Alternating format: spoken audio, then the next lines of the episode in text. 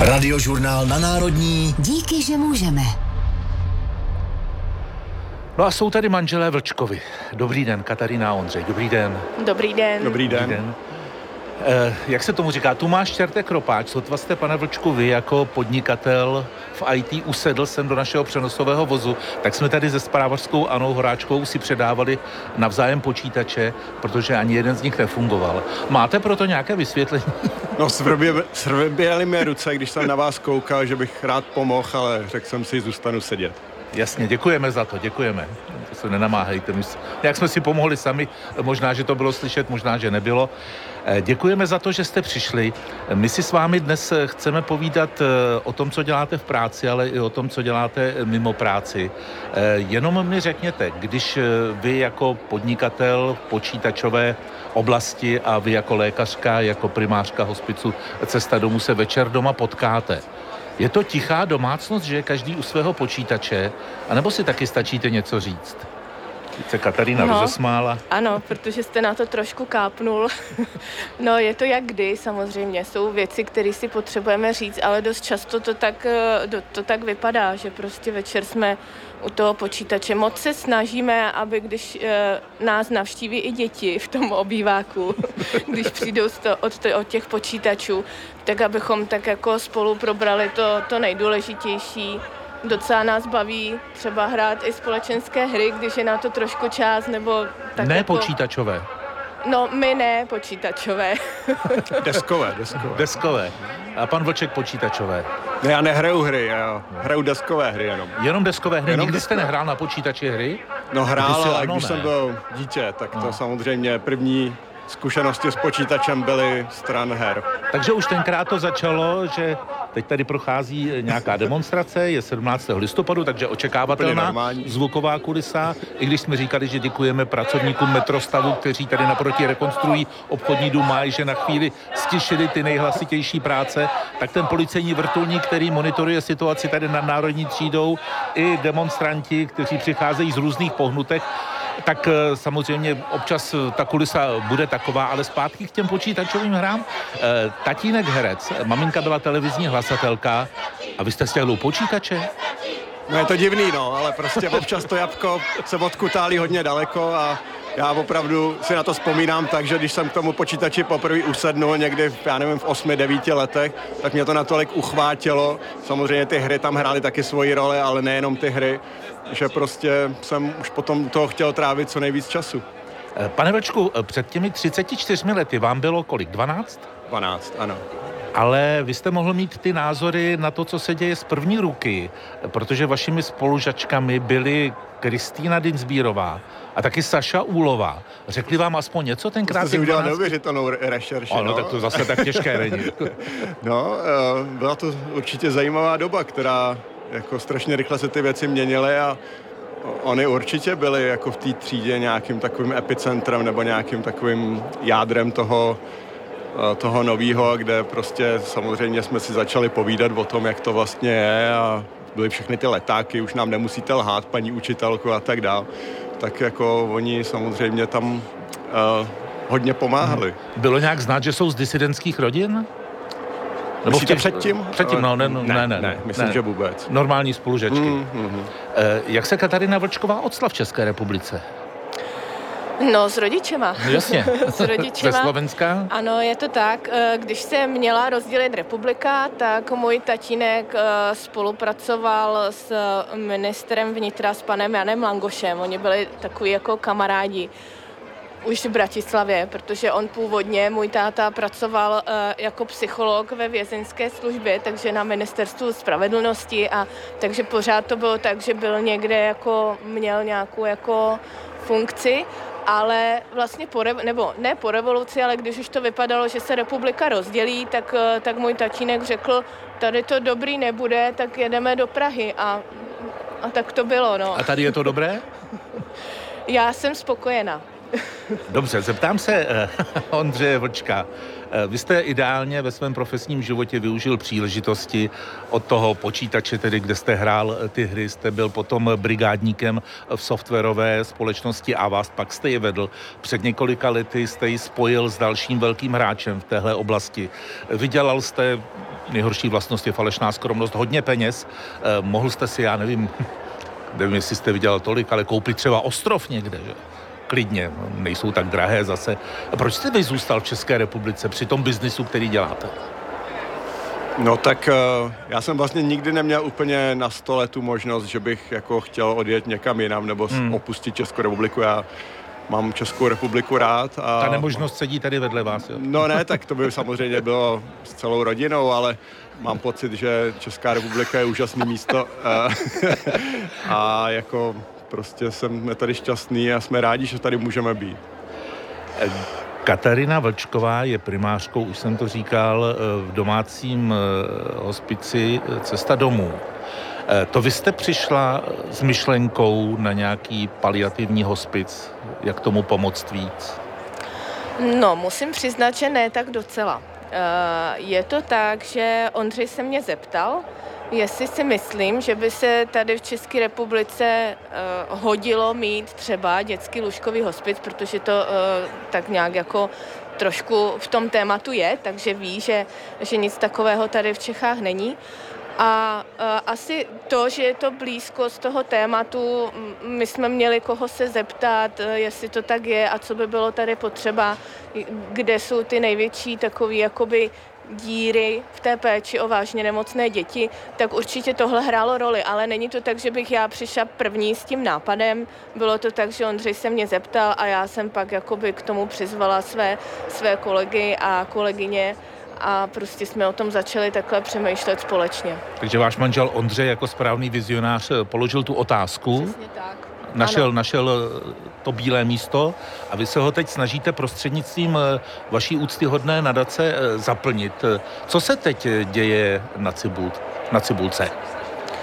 Tak na Cibulce začínáme budovat právě ten dětský lůžkový hospic, což je zařízení, které jako podle toho názvu možná budí hodně nějakých strachů a obav a děsů, ale není to zařízení, kde by primárně měli uh, ukončit život děti nebo dožít děti, ale je to zařízení, které má pomoc té péči, protože uh, paliativní péče se týká dětí, které žijí dlouho se, svoj, se svou nemocí. Jsou to nemoci, které je ohrožují na životě nebo víme, že nejsou vyléčitelné a že, že nějakým i výrazným způsobem limitují ten život i v délce, i v kvalitě života a víme, že rodiny, které se starají o tyto děti, děti, tak jsou permanentně 24 hodin denně prostě pohlcení tou péčí.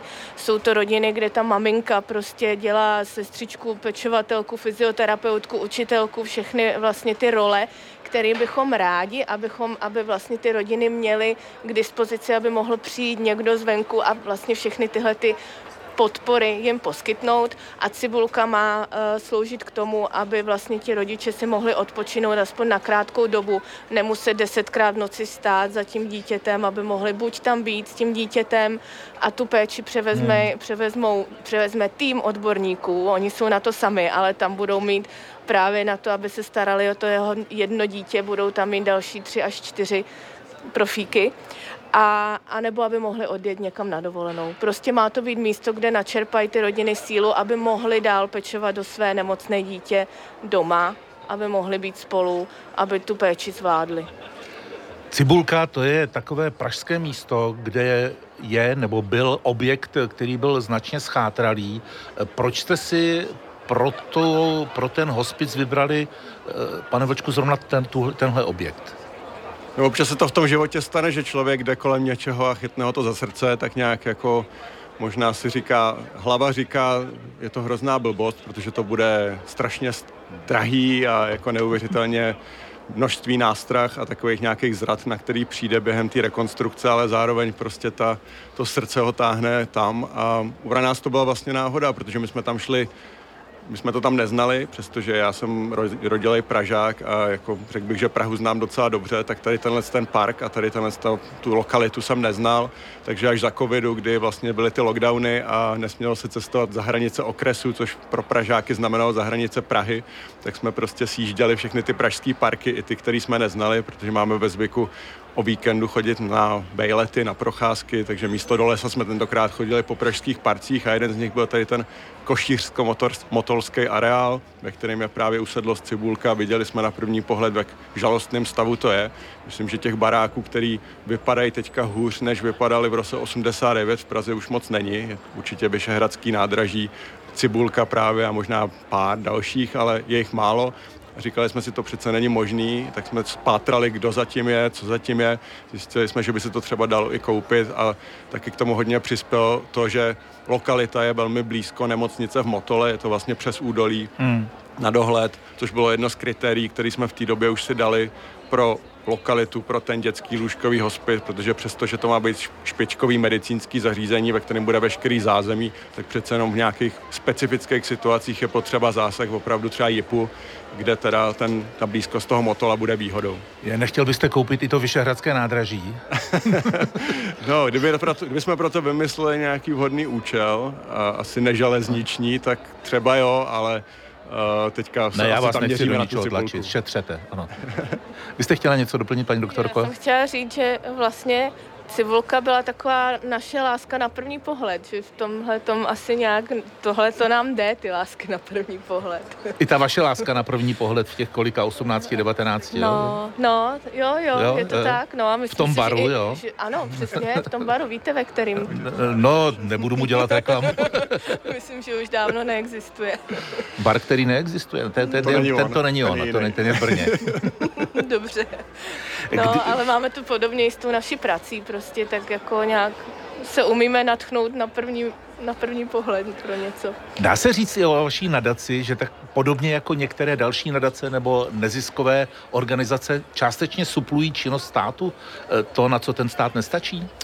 Já bych řekl, že možná trochu teďka v té první fázi ano, ale myslím si, že ta naše vize je, že dlouhodobě spíš ne, že jedna z těch pilířů té naší práce v nadaci je snaha o systémovou změnu. To znamená dostat paliativní péči, konkrétně dětskou paliativní péči, do toho systému veřejného Eh, financování zdravotnictví a sociální. Ono je to rozkročený mezi hmm. dvěma rezorty, vlastně třemi, a to sice zdravotní, sociální a případně školství, protože ty nemocní děti, které často tu nemoc prostě mají léta, tak eh, potřebují speciální pedagogický uh, uh, ošetření. Nebo, uh, takže, takže vlastně v tomhle směru jako my se snažíme, aby ten stát na tyhle ty rodiny myslel a nějakým způsobem jim pomohl sám, bez nadace, ale teďka to tak není, takže my to nějak jako krátkodobě se budeme snažit suplovat nebo dát do toho nějaký jako finanční a jiný prostředky s tím, že teda paralelně s tím pracujeme na tom, aby ty politici a ty poslanci si uvědomili, že tohle by mělo být prioritou pro ten stát a podobně, jak je to třeba v mnoha vyspělých zemích na západ od nás, eh, by měli těmhle rodinám pomoct. My se v tom dnešním vysílání k 17. listopadu, ale i k 17. listopadu 39 snažíme dívat i do budoucnosti. Váš cíl je zřejmý. Chcete udělat eh, z České republiky do deseti let velmoc, co se týká tedy dětské paliativní péče. To ale není jenom eh, použiju anglicismus, to není jenom o tom, že se koupí nějaká budova, že se najmou nějací lidé. Přesně tak, je to tak. To nám taky postupně došlo, uh, protože když se člověk hlouběji dostává do toho tématu, tak zjišťuje, že to je vlastně problém poměrně široký. A právě proto ta nadace. Nadace neznamená, že postaví cibulku a máme hotovo, ale naším cílem je, aby právě vznikaly služby, právě ty služby, které tady nejsou, aby ty rodiče měli možnost mít pečovatele, zdravotní sestry doma, aby vlastně měli co největší to spektrum podpory už i v tom domácím prostředí. A proto my si uvědomujeme, že to, co je zapotřebí, aby ty, aby ty služby vznikaly, aby bylo víc poskytovatelů, aby byly všude dostupní, kdekoliv v republice, aby byly dostatečně kvalitní ty služby, A to, co vnímáme jako velmi důležité, kromě té systémové změny, aby vlastně to bylo součástí veřejného zdravotnictví nebo veřejných nějaký podpory, tak eh, aby vlastně i ty profese vznikaly. A paliativní péče se netýká jenom zdravotnictví, jak už bylo řečeno, je potřeba psychologi, fyzioterapeuty, pečovatele, duchovní, prostě tam těch profesí, které uh, poskytují podporu pro tyto rodiny je hodně.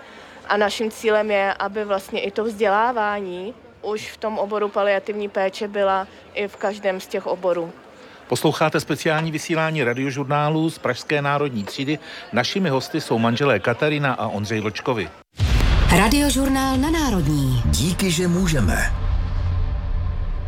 Vy máte oba takové velmi zajímavé, ale neřekl bych, že úplně kompatibilní povolání. E, na jedné straně je tu péče o umírající, na druhé straně v případě pana Vlčka e, to jsou e, algoritmy, které vidíme, nebo spíš nevidíme, ty jsou možná horší, a kterými, kterým skoro ta většina z nás dobrovolně svěřuje svoje životy. Jak to jde k sobě? Ty protipoly se hmm. přitahují, ne? Ty, na, na tom magnetu je to vidět, ten plusový a minusový pol, ne? Tak jo, ne, je to asi tak nějak. Já ve, ve skutečnosti uh, páry jako ajťáků a doktorek, nebo naopak, jako znám jich hodně, ono to nějakým způsobem funguje.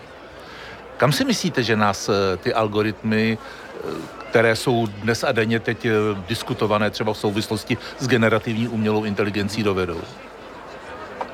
Tak já jsem jako technologický optimista eh, primární, to znamená, já si myslím, že vždycky budou převládat nebo nějakým způsobem dlouhodobě tyhle věci přispějou ke zlepšení, a, ale zároveň přináší velký rizika a na ty musíme být připravený. Myslím, že teďka jenom za ten poslední rok v rámci té zmiňované generativní umělé inteligence, jako jsme viděli už spoustu nových vlastně uh, triků a takových nějakých jako způsobů, jak se to dá zneužít. Hmm.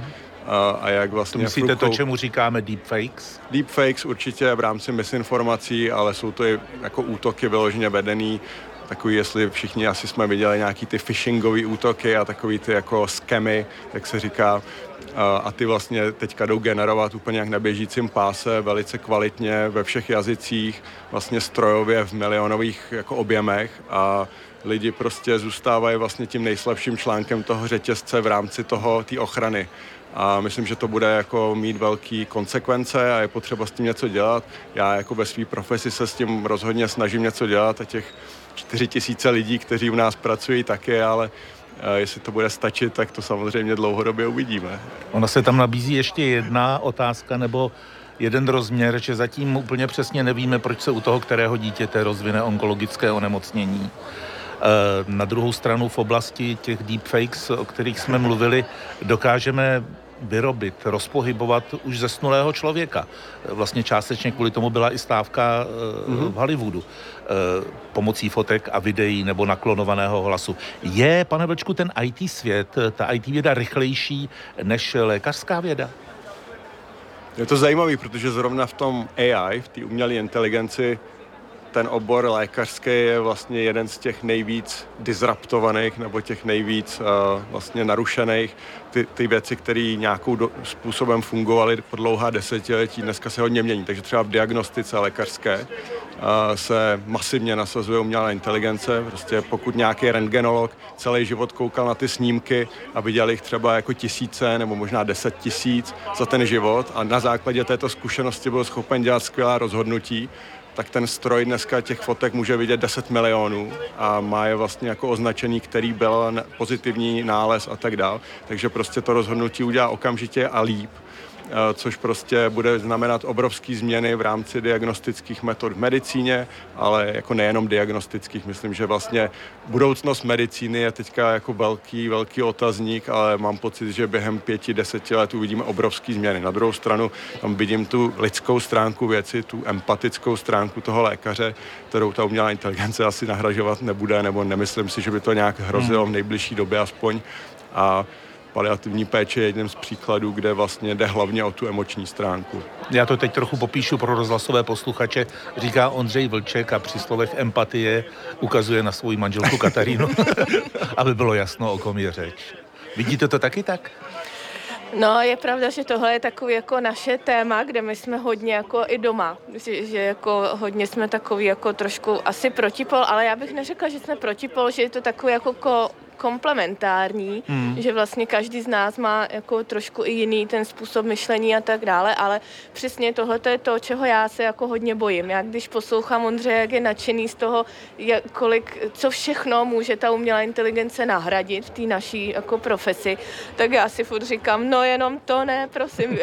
ale pak si říkám, možná, že budeme mít víc prostoru na to mít s tím pacientem vztah, povídat si s ním a vlastně takový ty soft skills prostě možná možná je to ten čas na to, ale trošku se bojím, že ne, že prostě ta naše ta generace těch našich dětí jde prostě jako jinak. No. Já se bojím, že se zapomínáme spolu povídat, že si nevšímáme jeden druhého dostatečně, tak nevím, jako já mám osobně trošku obavu z toho, jak to bude vypadat a jsem ráda, že teď i vnímám i u mediků a u mladých vlastně lékařů ten zájem opravdu s tím pacientem mluvit, protože to se nějak vytratilo v těch posledních letech. Teď už si spolu povídáme skoro 25 minut a já jsem nadšený že jste přišli, že jsem vás potkal. Eh, ono k tomuhle vysílání patří i trocha eh, toho dobrého patosu, když se ohlédneme za těch 34 let zpátky, jeden každý z vás. Eh, vyberte jeden, jeden moment z té novodobé historie, který by vás vyvolal pocit hrdosti. Já nevím, jestli vyberu z historie, ale já prostě se s tím setkávám denodenně a pro mě je skvělý, že pacienti konečně jim, nebo že, že prostě můžou oni sami říct, co oni si přejou. Oni na to nebyli zvyklí, prostě za komunistů se nikdo neptal, co kdo potřebuje. A, a vlastně tohle je pro mě takový jako moment, když, mi, když nám pacienti říkají, takže jako já můžu do toho něco říct, já nemusím tohle, já jako můžu, vy se ptáte mě, je jim to takový jako zvláštní. Tak tohle je pro mě jako obrovský takový jako dar, že lidé můžou vlastně rozhodovat sami o sobě, že vlastně na to nebyli zvyklí před, těch, před těmi x lety. A Ondřej Vlček, kdyby měl vybrat z těch uplynulých 34 let něco kromě to... tedy fůze a vastu z Nordem? ne, tak určitě těch momentů bylo víc, ale já upřímně jsem byl hodně hrdý a zažíval jsem pocity štěstí letos na začátku roku při volbě prezidenta. Mně to jako přišlo vlastně skvělý a byl jsem takový jako hodně energizovaný tím celým procesem a potom, jak to dopadlo. A předtím ne tedy, jo? Předtím jste ne, žádnou hrdost nepocítil? Předtím, uh, myslíte v rámci... Teď nemyslím na politiku, ale vůbec. Tak aspoň na Gáno řekněte. no, tak já, no, uh, asi ne. Fakt? Ale tak byl jste hrdý třeba na to, co jste vytvořil, co jste vykonal přece z brigádníka v Avastu na generálního ředitele. Zevnitř to vypadá vždycky jinak, tak eh, já jsem hodně hrdý na ten tým, co dokázal a myslím si, že ty lidi tam jako jsou úžasný a, a prostě celý ten, kam se nám to podařilo posunout, tak myslím, že to je, to je skvělý success story tady. Tak ono to začalo taky jako lokálně, že jo, než jste se stali uh, globálním hráčem, když se zakládal Avast. No rozhodně, tak eh, Avas prvních 15 let vlastně byl jenom zaměřený na český nebo československý a potom český trh. A až vlastně s příchodem nějakého internetu do domácností kolem roku 2001-2002 jsme se posouvali někam do zahraničí a přišli jsme s tím obchodním modelem svým a, a podařilo se nám nějak prosadit i v zahraničí. Zatím to jde. Zatím to jde určitě. tak eh, ať vám jde všechno, na co sáhnete a ať jste inspirativní i pro další e, lidi a možná pro další generace, když to řeknu trochu vzletně. Našimi dalšími milými hosty byli manželé Katarina, Katarina a Ondřej Vlčkovi. Paní primářko, děkuju. Naschledanou. My děkujeme za pozvání. A pane Vlčku taky děkuju, ať Děkujeme. se vám daří nejenom nadace, den. ale i váš e, IT business.